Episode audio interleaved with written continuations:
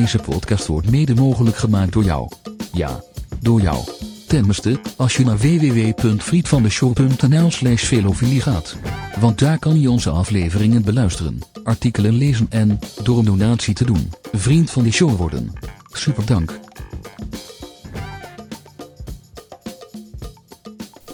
Goedemorgen, middag en avond, beste wielenvrienden en vriendinnen. Welkom bij weer een nieuwe Velofilie podcast. Welkom, welkom, welkom in deze uitzending waarin we het uitgebreid gaan hebben over de koers van afgelopen week. En natuurlijk is het hoogtepunt daarbij de Amstel Gold Race zoals die vandaag zondag 18 april werd verreden. En wat een koers, jongens. Het, het mag toch wel in de boeken als de Amstel heeft tegenwoordig een bijzonder spannende finish. Weliswaar een totaal ander type koers dan in 2019, toen Mathieu van der Poel won. Maar toch, zowel bij de mannen als de vrouwen, kon de finish bijna niet spannender. En ehm, speciaal om Michel Wuits te genoegen, Wout van Aert met het kleinst mogelijke verschil wint.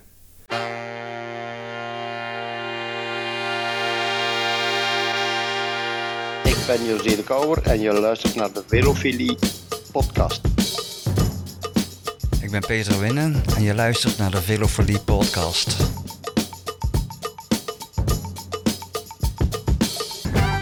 De Velofilie podcast.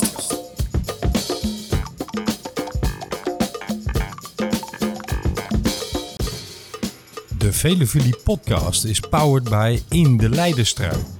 De wielerwebsite voor het laatste nieuws, originele content en belangrijke informatie over alle wedstrijden. In de Leidenstrui.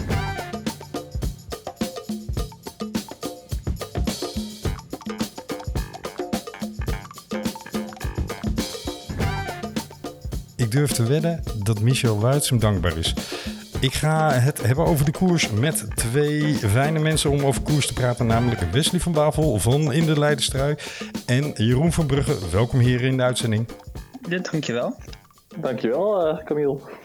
Hebben jullie ehm, de koers op de Nederlandse zenders of op de Belg gekeken? Kijk altijd trouw op de Belg. Ik, uh, ik heb het op, uh, op Eurosport gekeken. Oh, Mooi compromis. Ja, dat kan natuurlijk ook. Zou jij Wesley ehm, willen vertellen hoe ehm, Michel Wuits de slotmeters ervaren heeft? Nou, die is, die is half overspannen ge ge geworden in drie seconden, denk ik. Hij was, uh, het was van aard, het was van aard. Nee, het is Pitcock. Die is een jaar ouder geworden bij de finish. Hey, maar daar gaan we het straks over hebben. We vangen even de uitzending aan met van wat we allemaal gaan doen voor de luisteraars. We gaan uh, het hebben over koers en dat doen we door het moment van de week te gaan bespreken. Een nieuwe rubriek. Iedereen benoemt een moment van de week en legt uit wat daar zo speciaal of mooi of bijzonder aan was en is. Dan gaan we het hebben heel kort over de ronde van Turkije. Want ja, het is een bijzonder hoe je het went of keert. Was het nou een goed bezet veld of niet? Kom ik zo op. Maar Kevin is wint er wel vier keer, dus we gaan het daar nog over hebben. En dan richten we ons op de Amsterdam Gold Race. Beginnen bij de vrouwen, want dat was ook wel een bijzonder spectaculaire koers. En dan pakken we uiteraard als het hoofdmenu de Amsterdam Gold Race voor de mannen. En we sluiten af met de eindsprint, waarin we wat roddel of achterklap of nieuws, korte feitjes bespreken. Laten we beginnen, jongens, met het moment van de week. Wesley, wat is jouw moment van de week? Toch wel de fotofinish op de telefoon. Ja, die, die schuin in beeld kwam, waardoor je het nog niet zag. Ja, ik vond dat zo'n mooi moment met alle technologie die we hebben in de hele wereld. We hebben al robotten die uh, avondeten voor je kunnen maken, maar de fotofinish in beeld brengen, dat was nog even iets, iets te veel. Ik vond het prachtig. Ik heb hem, maar misschien was die uh, op de NOS wel te zien. Ik heb de finish op de Belg gekeken. Ik heb hem daar niet voorbij zien komen. Nee, hij was inderdaad al weg voordat, uh, voordat voordat ik uh, hem kon zien. Of tenminste, de Belg was al weg van, uh, van de uitzending voordat die fotofinish in beeld kwam. Ik heb hem ook niet gezien. Nee. Ik heb hem wel op uh, Twitter voorbij zien komen bij deze en gene. Maar wie ik ook op Twitter voorbij zag komen bij deze en gene, en daar deden wij zelf vrolijk aan mee, was Tom Dumoulin. Leuk dat hij op zaterdag in wielerkleding rondreed over de Kouberg. En um, in wielerkleding bedoel ik mee in Jumbo-Visma tenue. Dus ja, als dat een voorbode is voor wat ons te wachten staat, dan is dat een heel positief signaal wat mij betreft. En op zondag zag ik hem als publiek langs de koers, als liefhebber.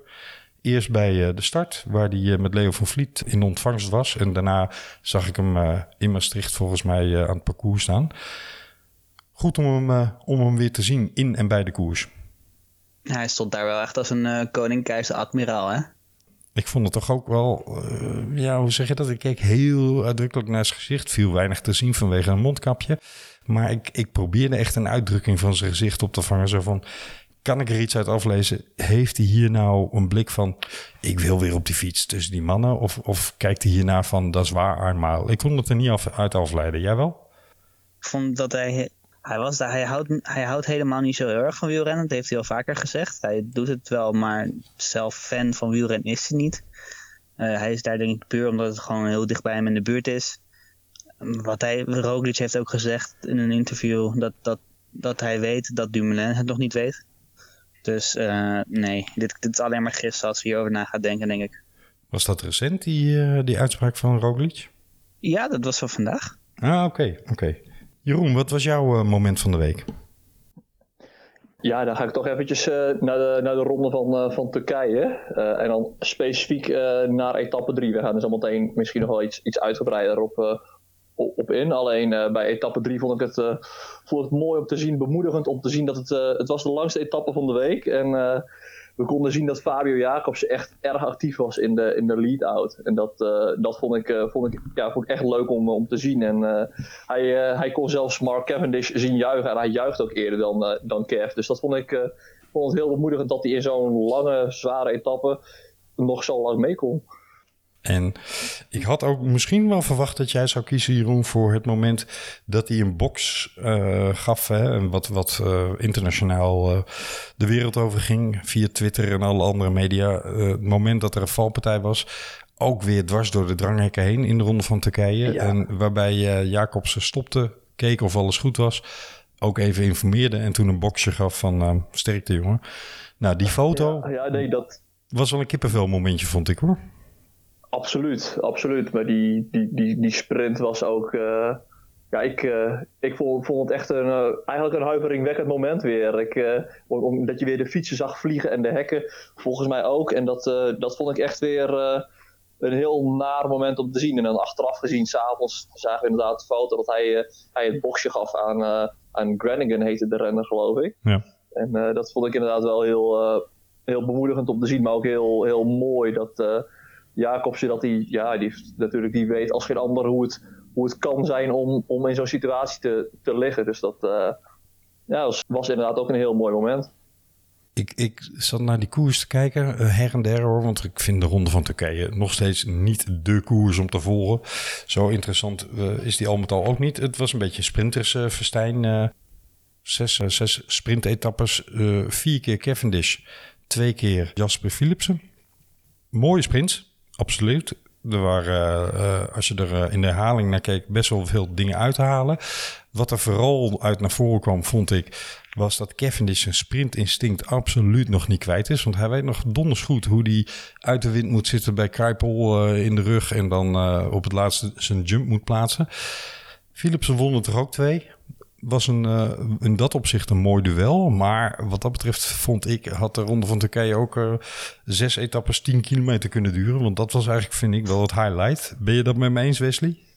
Zeker wel. Die sprints, die vijf kilometer is het mooi. En dan is het mooi om mensen te volgen waar ze zitten en waar ja. ze heen gaan. Maar ja, weet je, de vlakte, dat hebben we genoeg. Dus uh, doe, doe daar maar 10 kilometer van. Maar overigens, die Cavendish, hè, die wordt ook alleen maar beter.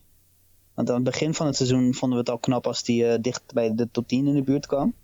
Maar in de laatste sprint, op de laatste 100 meter, haalt hij Philipsen geloof ik 200 meter in.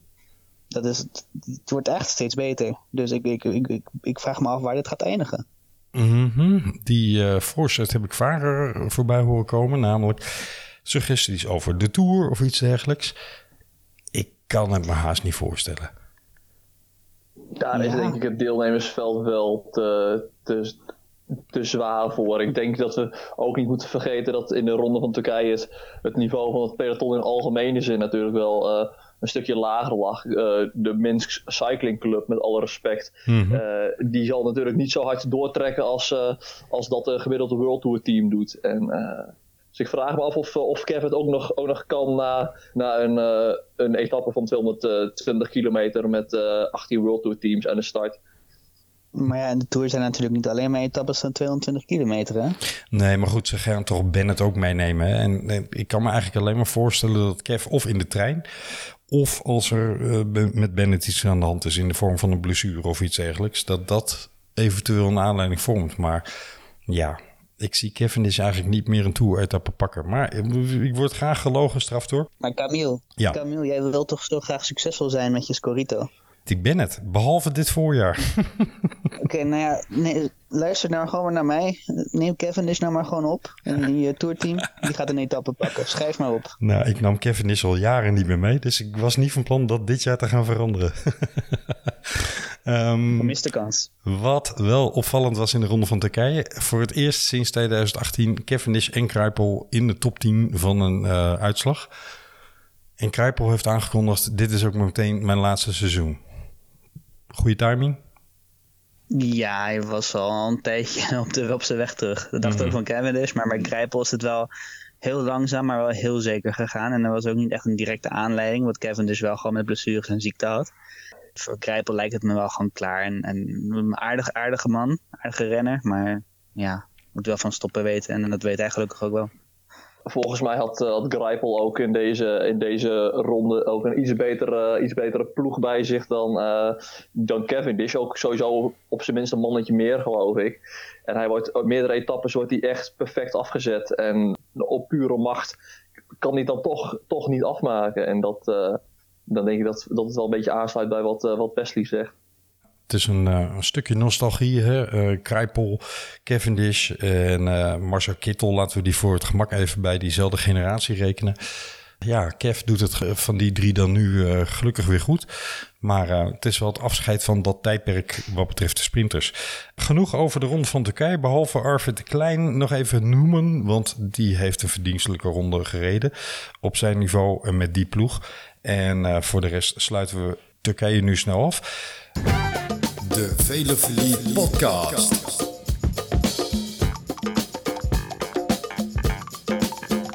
We gaan naar eh, het hoofdmenu van vandaag. Te beginnen bij de dames. Hebben jullie de koers gezien, heren? Heel eerlijk, ik heb alleen de, de, de, de ultieme slotfase gezien. Nou, dat is Ik gelukkig. heb, eh, ik, heb ook de, ik heb de eindfase ook gezien, ja. Ik heb eh, het merendeel van de koers gezien. en Maar eh, natuurlijk is de eindfase het meest bes- besprekenswaardig. En ehm, daar doet weer een al-oud wielergezegde zijn opgang. Namelijk eerst andermans bordje leeg eten. Hè, de beroemde spreuk van eh, Henny Kuiper. We kregen op een gegeven moment de situatie dat in het laatste rondje Annemiek van Vleuten aanging op de Kouberg. Dat niet kon volhouden. Ze zei achteraf ook, ik had eh, om een of andere reden, ze wist zelf niet waarom, maar ik had geen goede dag. Dus ehm, ze zette aan, maar je zag duidelijk dat ze gecounterd kon worden door Nieuwe Doma en door Longo Borghini, die later aansloot. Vos leek er heel lang in het wiel van Nieuwe Jadoma mee te kunnen. En moest toen toch loslaten op dat stijlste gedeelte van de Kouberg. En Demi Vollering kon dat ook net niet volhouden. Daar sprong Longo Borghini overheen. Dus we kregen op kop um, Longo Borghini en uh, Nieuwe Jadoma. En toen was het eigenlijk zo van, ja, dames, uh, we rijden met z'n tweeën naar de finish. En het is, uh, ja, 1 en 2.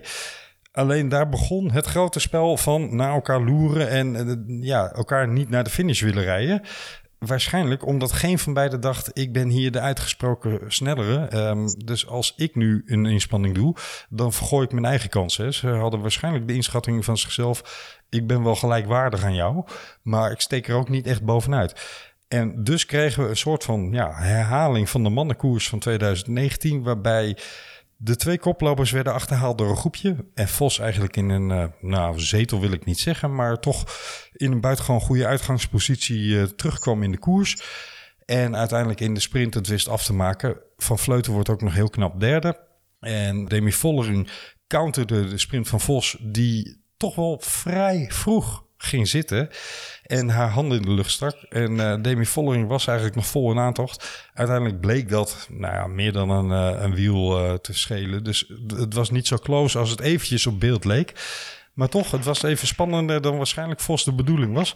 Maar ik vond het wel prachtig dat Marianne Vos deze weer aan haar toch al buitengewoon imposante erelijst toe kon voegen. Ik zeg al heel lang, Vos is misschien wel de echte goat onder de actieve fietsers op dit moment. De, daar moet ik het met je eens zijn, ja. Die staat op 233 uh, overwinningen inmiddels, ja. En ik geloof dat er was van de week een, een lijstje op, op Twitter. Dat, ik geloof dat momenteel André Greipel is geloof ik de renner met de meeste zegens die nog actief is. Ik geloof dat Greipel 157 staat. En daar staat Vos dus momenteel na vandaag op dus 233. Dus dat is echt ongekend. En dan is het alleen, alleen nog maar op de weg, hè? Ja, en dan even los van het aantal. Hè. Het gaat ook over met name ook de, de overwinningen zelf. Eh, Ze heeft werkelijk alles wat groots in het dameswielrennen is gewonnen. En ehm, inderdaad ook nog op meerdere disciplines. Hè. Niet alleen op de weg. Dus wat dat betreft, ja, respect voor deze dame. Hoe die zichzelf teruggeknokt heeft uit een eh, heel diep dal. Is veranderd van, van type renner. Ehm, renster. Ze is... ehm, toch, toch meer die sprint uh, nu uh, aan het doen de laatste jaren. En uh, heeft daarnaast natuurlijk ijzersterke concurrentie gekregen. Niet alleen in eigen huis, maar het hele dameswielrennen is omhoog gegaan. En uh, ja, moet dus heel veel shine delen met Annemiek van Vleuten, Anna van der Breggen, uh, Nieuwe Jadoma. Dat soort uh. Maar weet toch te pieken op bepaalde momenten. En dit was voor haar een absoluut hoofddoel in het seizoen doet ze natuurlijk buitengewoon goed voor Jumbo-Visma. Voor het eerst in dat tenue aan het rondrijden. Ja, wat is er dan mooier dan de Amsterdam Gold Race winnen? Dan uh, ben je, je geld wel waard, zeg maar. Ik denk dat de sponsoren redelijk tevreden zijn uh, bij, bij Jumbo. ja, nee, maar... Dat heeft natuurlijk ook met de mannenkoers te maken. Maar als ze sec naar de vrouwenkoers kijken... Ja, dan had uh, Vos het niet beter kunnen doen dan, dan wat ze nu gedaan heeft dit voorjaar. En ja, Vos zit nog niet uh, richting einde carrière. Ik had uh, vorig jaar misschien wel een beetje de gedachte van... nou ja, hoe lang zou zij nog uh, gemotiveerd doorgaan? Maar als ik haar zo bezig zie, denk ik... nou, die kan dan nog wel een paar, uh, twee, drie, vier, vijf jaar aan vastplakken... als het haar zint. Ze is vijf jaar jonger dan Annemiek van Vleuten, dus ze kan nog wel even. Ja, oké, maar Van Vleuten gaat misschien langer dan gemiddeld door. Hè? Als je daar weer tegenover zit, Anne van der Breggen. Maar, uh, of Chantal Blaak. Maar ze kan in ieder geval nog wel, uh, als ze dit niveau vast blijft houden. Je zag er ook glunderen na afloop bij uh, het interview bij de NOS. Daar legde ze uit, zolang je je resultaten kunt halen, is dit een heel leuk spelletje. En is dat spelletje zo ongelooflijk leuk om te doen. Nou, ze heeft dat buitengewoon slim gespeeld. Prachtige overwinning. Dan neem ik mijn petje vooraf. Elke keer weer.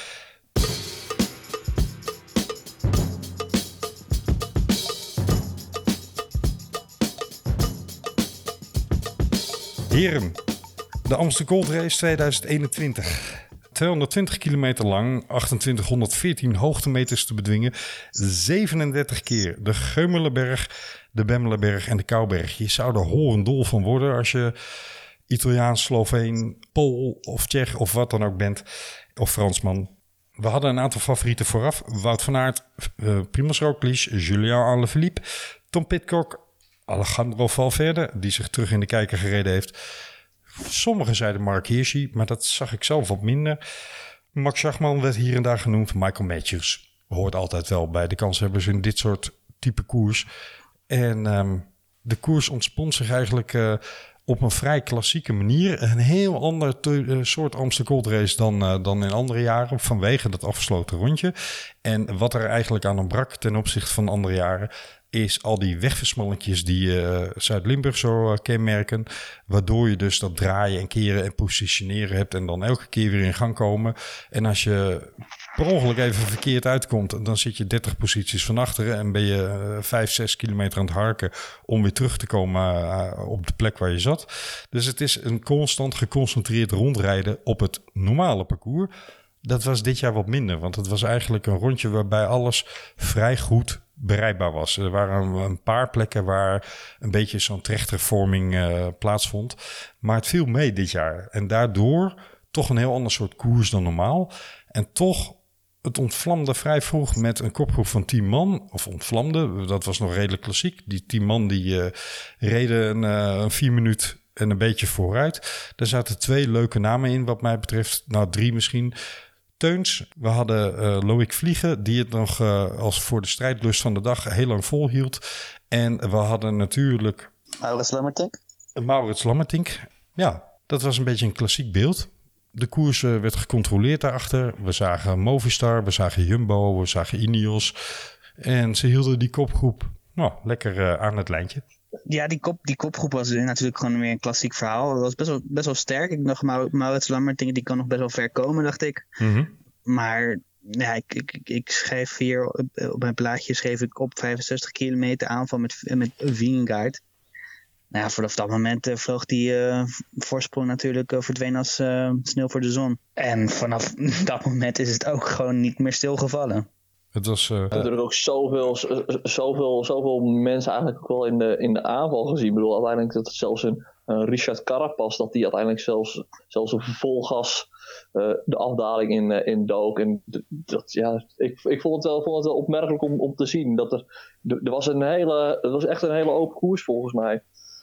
Ik vond uh, een, een leuk momentje. Het moment dat Rob Power op pad ging en Oscar Riesbeek van Appels in Phoenix zich aansloot. En die zaten in een klassieke chas patat. Die reden een kilometer ja. of uh, vier, drie. Zo'n beetje op uh, nou, 10 meter voor het peloton uit. Heerlijk. Ja, dat is heel lullig. ja, wel, ja, wel even sponsorwaarde opgekikt hoor, dat wel.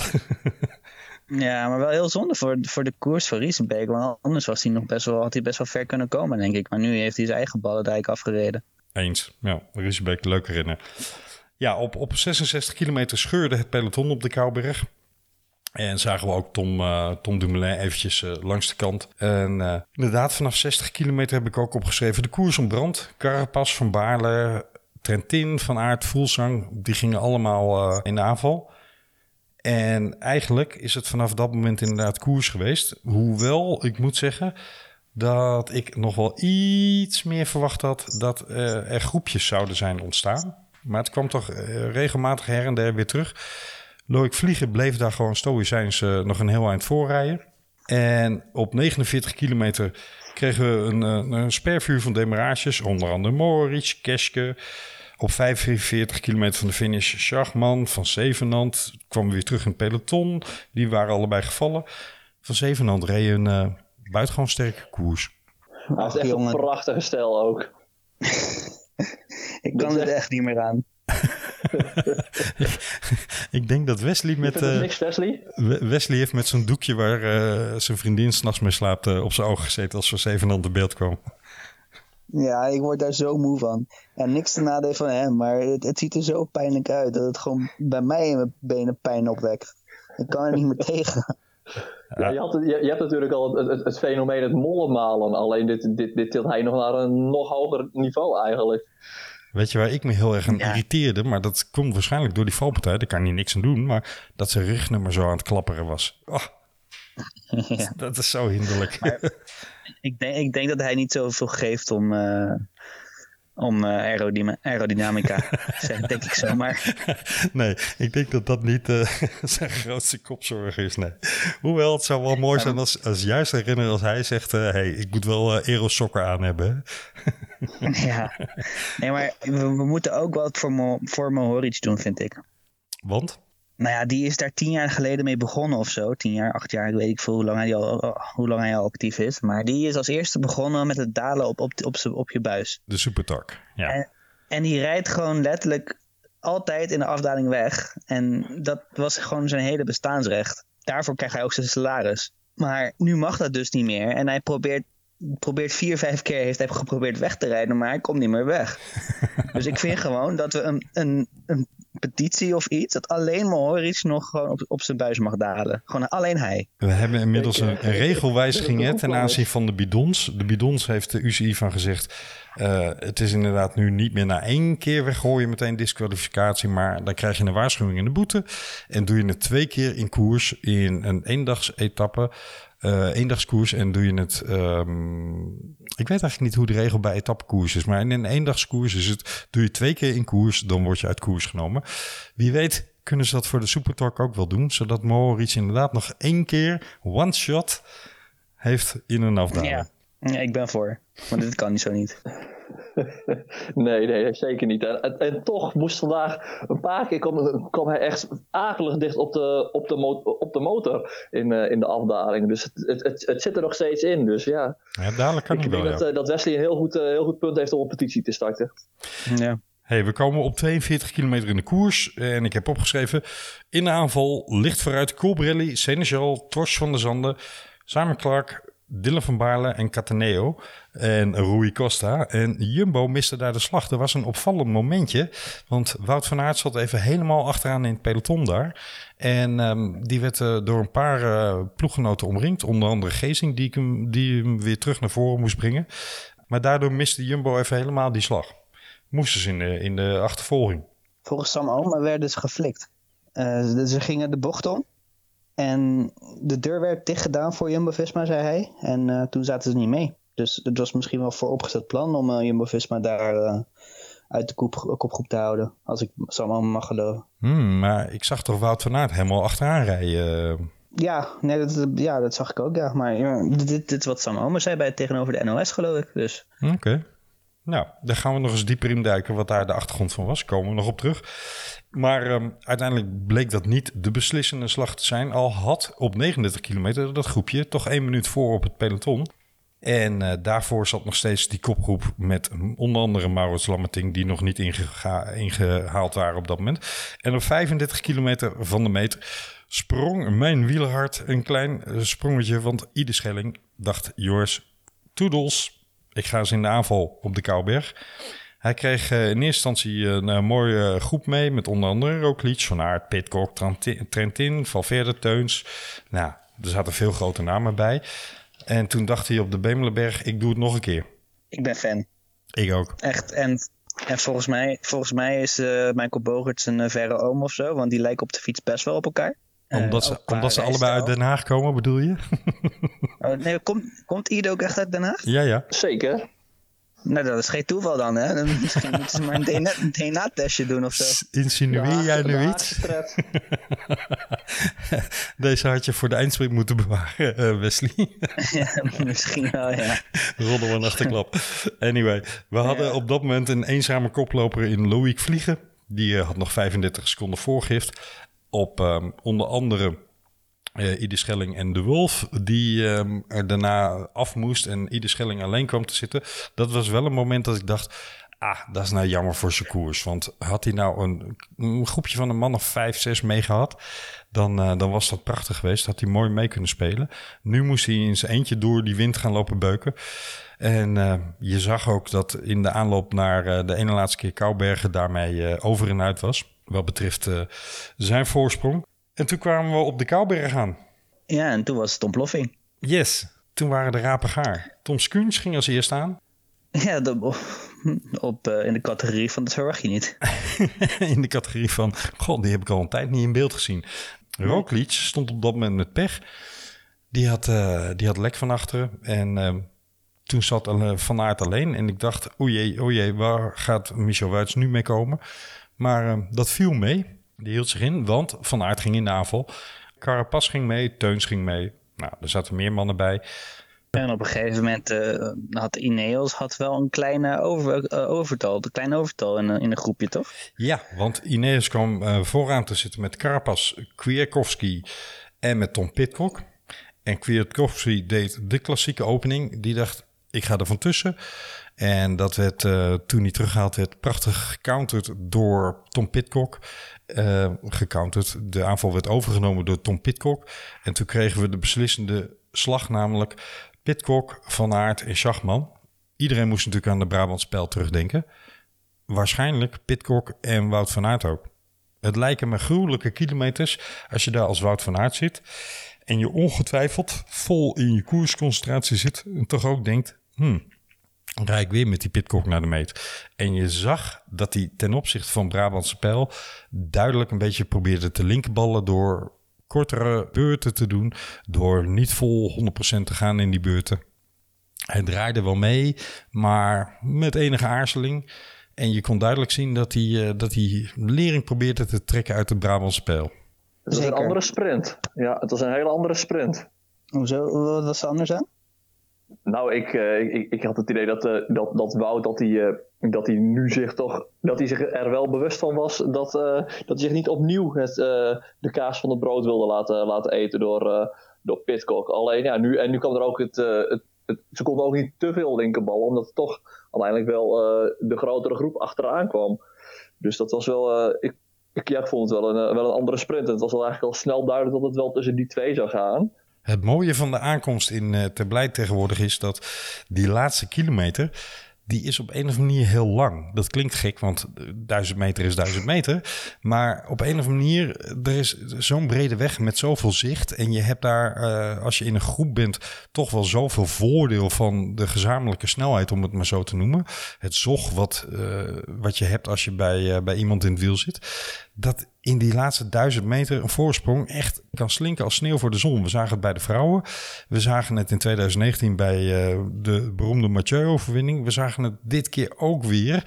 Dat het toch even dat scenario dreigde te krijgen, inderdaad. Maar um, dat konden ze nog net uh, op tijd opvangen. Uh, van Aert ging de sprint op precies, Wesley, 190 meter van de finish aan. Ben je dat met me eens? Was het geen, was het geen 290 dit keer? nee, het was 190 meter van de finish. En um, ik dacht even, nou, die heeft hem. En uh, dat leek eventjes alsof Pitcock ja, niet verrast. Want hij, hij begon meteen ook aan zijn sprint. Maar alsof hij er even niet bij zou uh, komen. Maar die had een aardige remontre op het laatst. En toen, en toen, en toen, en toen, en toen... Toen was het voor niemand duidelijk. En toen kregen, toen kregen we een bizar slot van een koers met een prachtige finale. Waarin vier, vijf keer er een finishfoto of een, een, een stil van de finish werd getoond. Dat was niet de finishfoto. En waarop, ja, de ene keer ik dacht, uh, nee Van Aert, kijk maar. Uh, oh nee, toch Pitcock. Uh, of toch Van Aert. Nou, ik, ik kon het dus echt niet zien. En volgens mij kon niemand het zien. En was iedereen nee, in vertwijfeling? 2 mm is ook niet met het blote oog zo te zien, denk ik, hè? Het was echt minim. Kleiner kan het gewoon niet. 2000ste van een uh, seconde, las ik. Zou, ja, dat, zou, zou dat de opluchting bij Wout van Aert nog groter maken, denken jullie? Nee, ik denk echt wel dat hij de komende keren dat hij met Pitcock naar de streep rijdt... echt wel uh, nog twee keer nadenkt of hij uh, mee gaat rijden. Dat sowieso. Maar omdat dit in mijn optiek toch zijn seizoen, voorseizoen um, oh. een aardige boost geeft. Hè? Uh, had hij deze gemist, ja, dan was er waarschijnlijk toch een groot vraagteken geplaatst achter... Um, was dit nou een goed voorseizoen voor Wout van Aert, ja of nee? En nu staat er toch wel een uitroepteken achter. Dan wil ik wel eventjes, in, dan wil ik wel eventjes een, een lans breken voor, voor Wout van Aert. Als jij, als jij Filippo Ganna verslaat in de tijdrit. Uh, als jij uh, een heel goede E3 rijdt en uh, alsnog daar wel verliest. En twee dagen later Gent-Wevelgem wint. Uh, hij wint ook nog een massasprint. Terwijl hij ook al een, een crosswinter achter de rug heeft. Dan denk ik dat Wout van Aert hoe dan ook kan terugkijken op een, op een meer dan geslaagd voorjaar. En dan komt er ook nog de, de Amstel overheen. Maar ik denk dat ook los van de Amstel dat Wout echt al een meer dan, meer dan puik voorjaar heeft, uh, heeft gereden. Ben ik 100% met je eens, hè? maar je weet hoe dat in de media gaat. Du moment dat hij vandaag niet gewonnen had, dan zou de discussie volop losgebarsten zijn over, ja, heeft Van Aert nou iets fout gedaan in zijn voorbereiding? Heeft hij te lang op de tijden gezeten? Zijn ze te diep gegaan in de Tirreno uh, enzovoorts enzovoorts? En nu heeft hij ja. die discussie eigenlijk de mond gesnoerd door, uh, door vandaag te winnen. Terwijl terecht jij zegt, daar ben ik namelijk 100% met je eens, dat hij, uh, dat hij op buitengewoon hoog niveau in het voorjaar presteert. Hij heeft 14 koersdagen. Ja, en 12 keer top 10. Ja, en de twee keer dat hij niet in de top 10 rijdt, wordt hij 13e en 11e. Dat bedoel ik. Dus we kunnen ja, wel spreken van een bizar hoog niveau. Hè? Maar toch is dit de punt, of Michel Wuit zou zeggen, het orgelpunt van zijn voorseizoen. En ik denk ook dat hij moraal technisch, wat een lelijke uitdrukking, maar dat het heel goed voor zijn moraal is dat hij deze wel gewonnen heeft. Ook al was het met 2 mm. Ja, en ik denk eigenlijk ook als je alle, alle koersen gaat bekijken, dat de Amstel Gold Race misschien nog wel het beste bij hem past. Hij, um, hij zet er nu een punt achter. Hè? Hij gaat niet in de, in de Waalse koers rijden. De mannen die er wel gaan rijden, daar staat wat mij betreft in ieder geval één iemand als hele dikke favoriet aan de start. En dat is een hele kleine Engelsman, genaamd Tom Pitcock. Ja, die kan fietsen, hè? Jongens, jongens, jongens. Uh, laagvliegend projectiel uh, noem je dat tegenwoordig. Hij heeft ook zoveel brani, zoveel zelfvertrouwen. Ja, die versnelling van hem toen hij wegreed met uh, Schachman en Van Aert. Van Aert zat daar echt om zijn moeder, zijn vader en heel zijn familie te roepen. Ja, precies. Ik ben ook heel benieuwd. Ik heb ze nog niet gezien naar de wattages die, uh, die ze daar trapten. Maar je kon duidelijk zien dat Van Aert echt uit alle macht in zijn wiel probeerde te komen.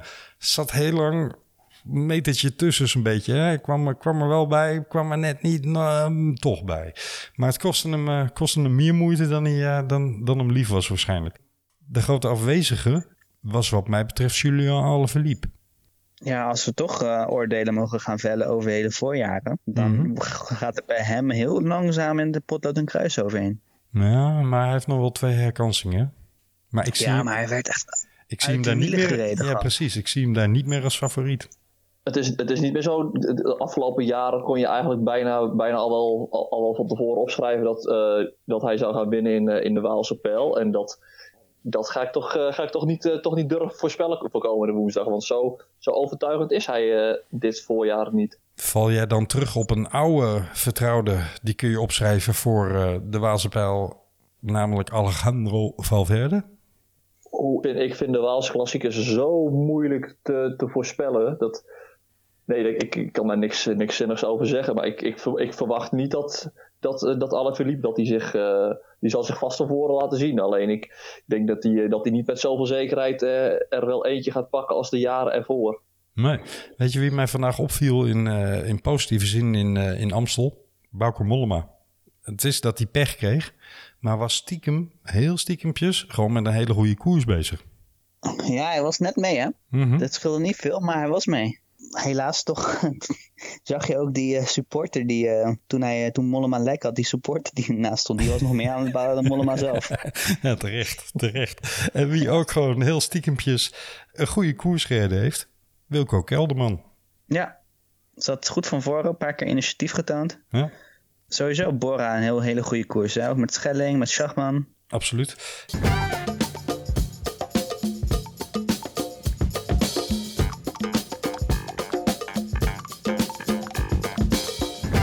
Hey, we krijgen nog twee mooie koersen en dan zit het voorjaar erop. Dan gaan we ons langzaam maar zeker richten op de Giro d'Italia.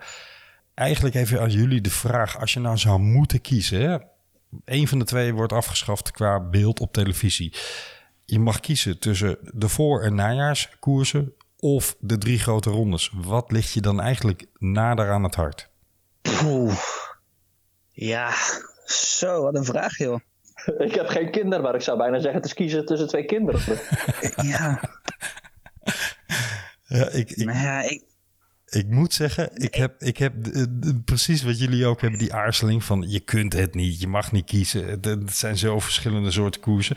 Maar als ik altijd richting die Waalse klassiekers ga, dan bekruipt mij ook altijd wel weer het gevoel van, ah gelukkig, dan duurt het niet al te lang meer voordat de rondes ook van start gaan. En met de rondes bedoel ik, met alle respect, niet de ronde van Valencia enzovoorts, maar de Giro. En dan zitten we niet al te ver meer van de Tour.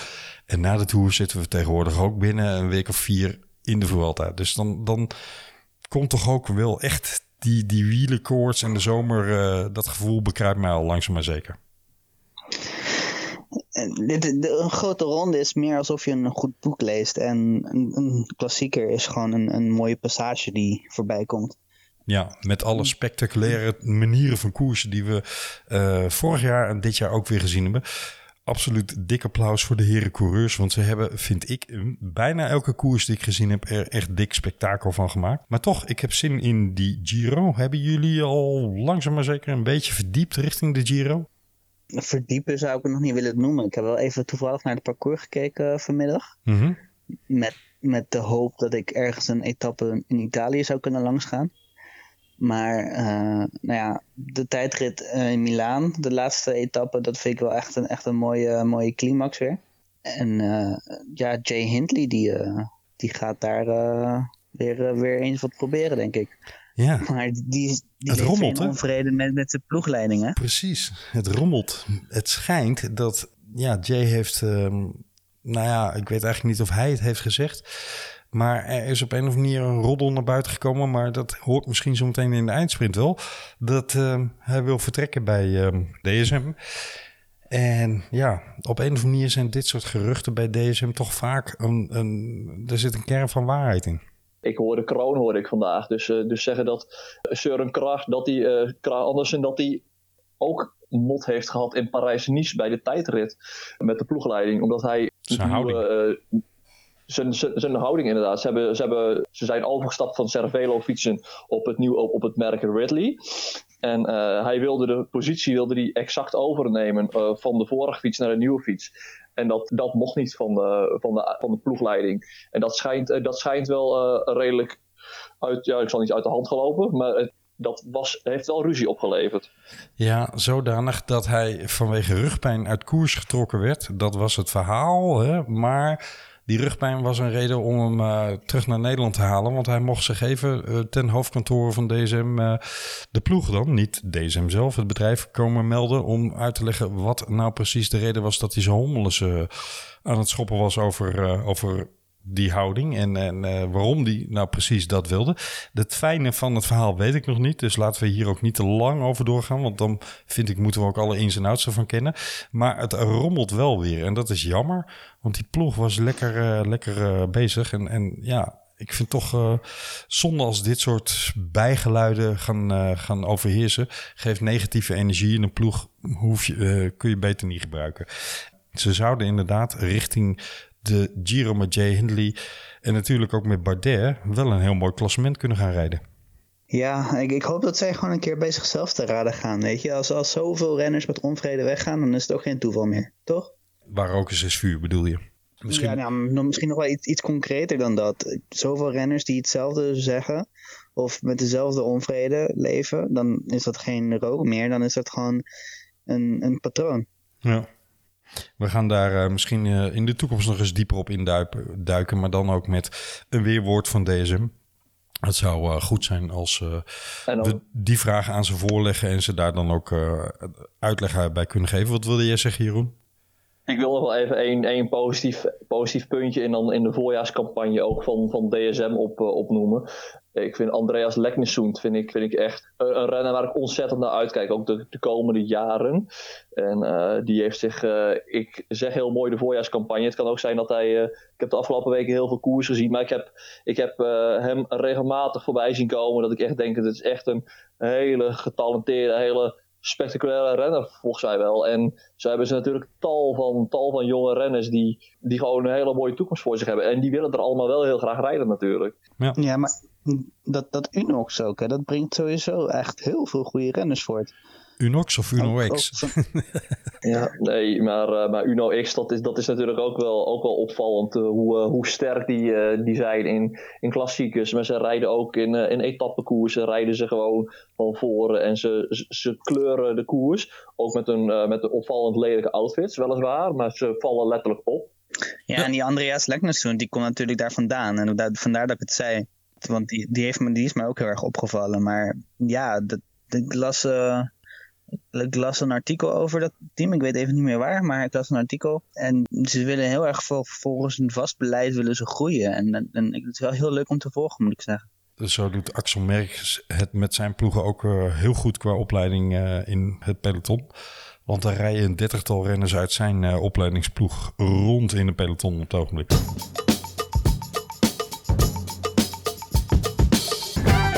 Jongens, we gaan richting de eindsprint met de rubriek ondertussen in het peloton. En die zet ik in met mooi nieuws uit Gent. Namelijk, daar wonnen Juri Havik en Jan-Willem van Schip de Madison in, eh, op de baan. Gefeliciteerd mannen. Nou, Sagan, misschien naar Quickstep. Ja, maar die schijnt zijn eigen sponsor mee te moeten nemen. Ja, maar dit lijkt me wel een hele goede combinatie. Iets waar ik een aantal jaar geleden heel erg zou van eh, geschrokken zijn.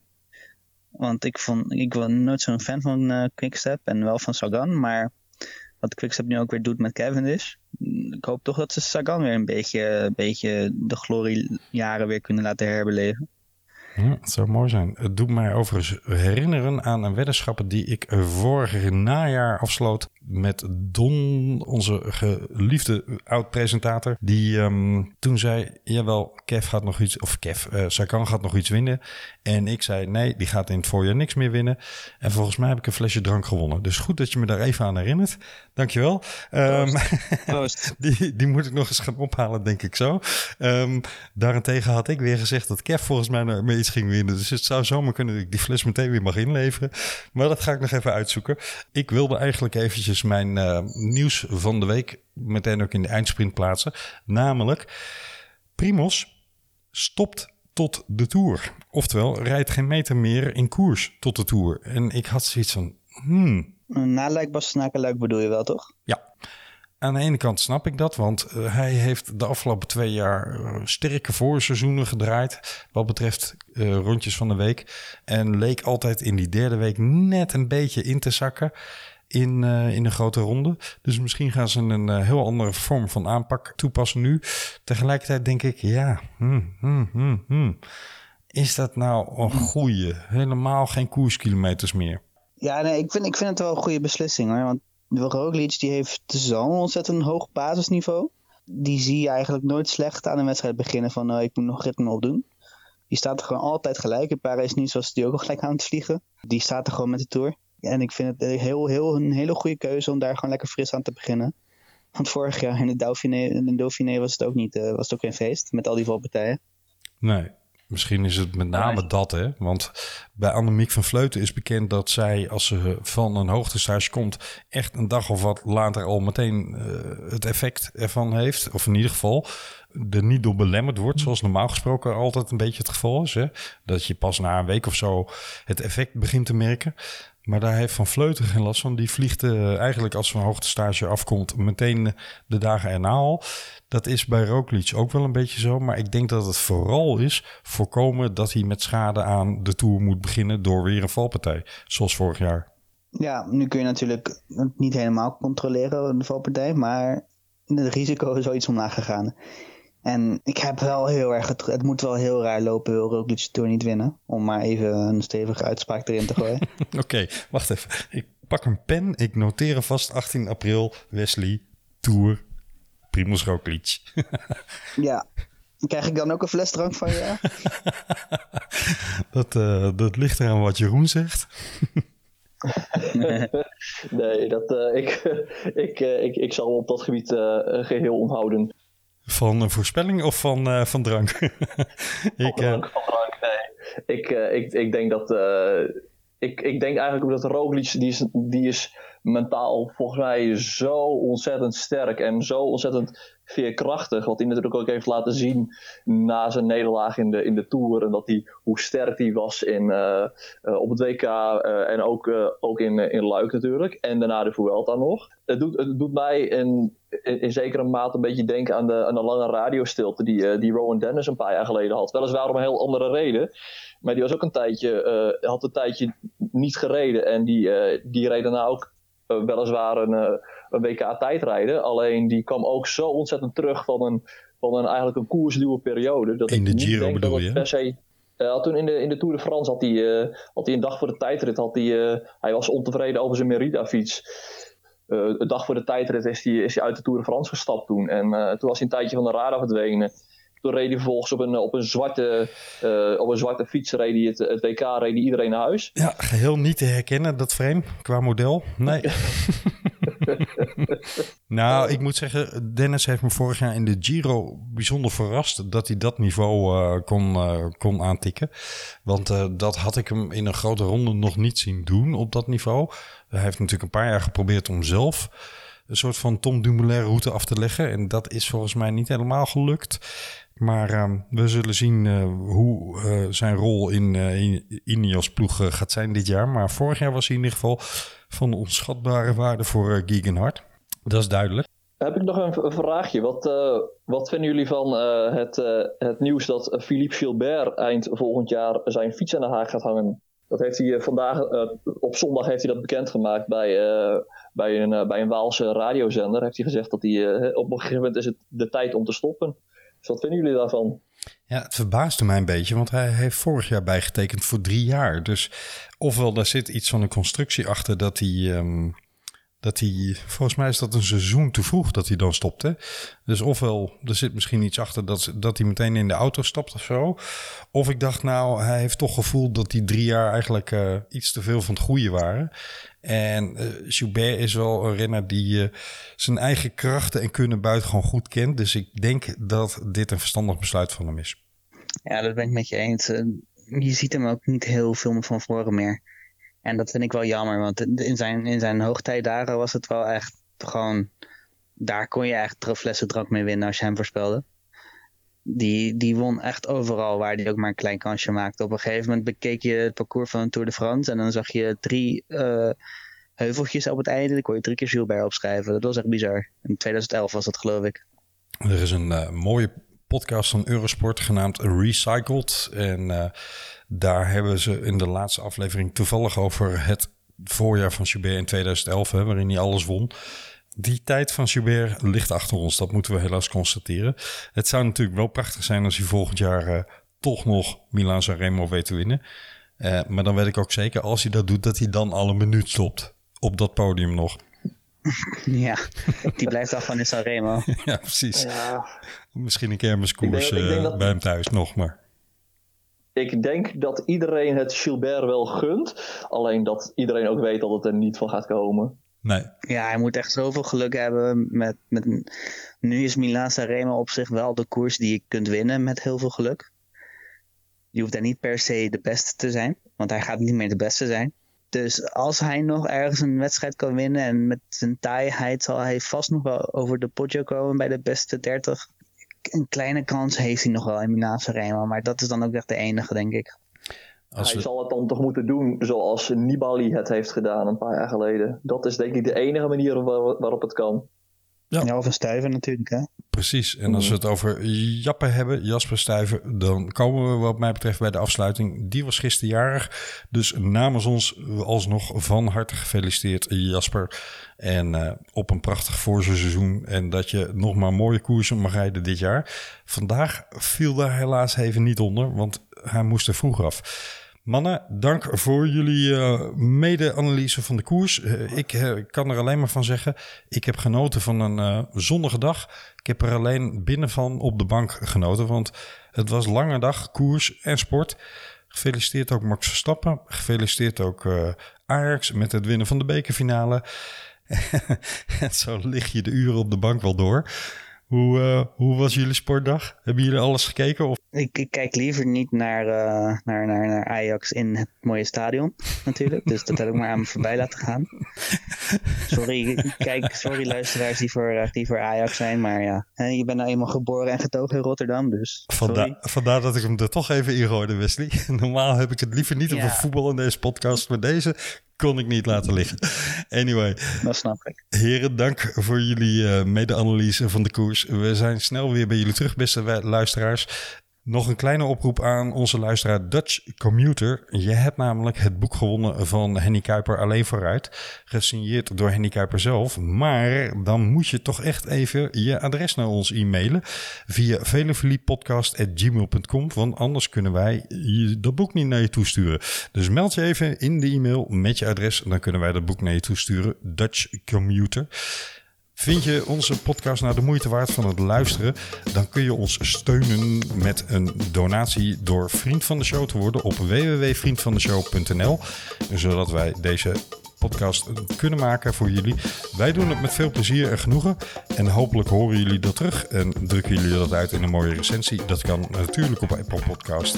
En je kunt ook een audiobericht via Vriend van de Show achterlaten. Dat vinden we ook prachtig. Heren, tot de volgende zou ik zeggen. Tot de volgende. Bedankt. Hoi hoi. Yes. Hoi. Adios. Ciao ciao.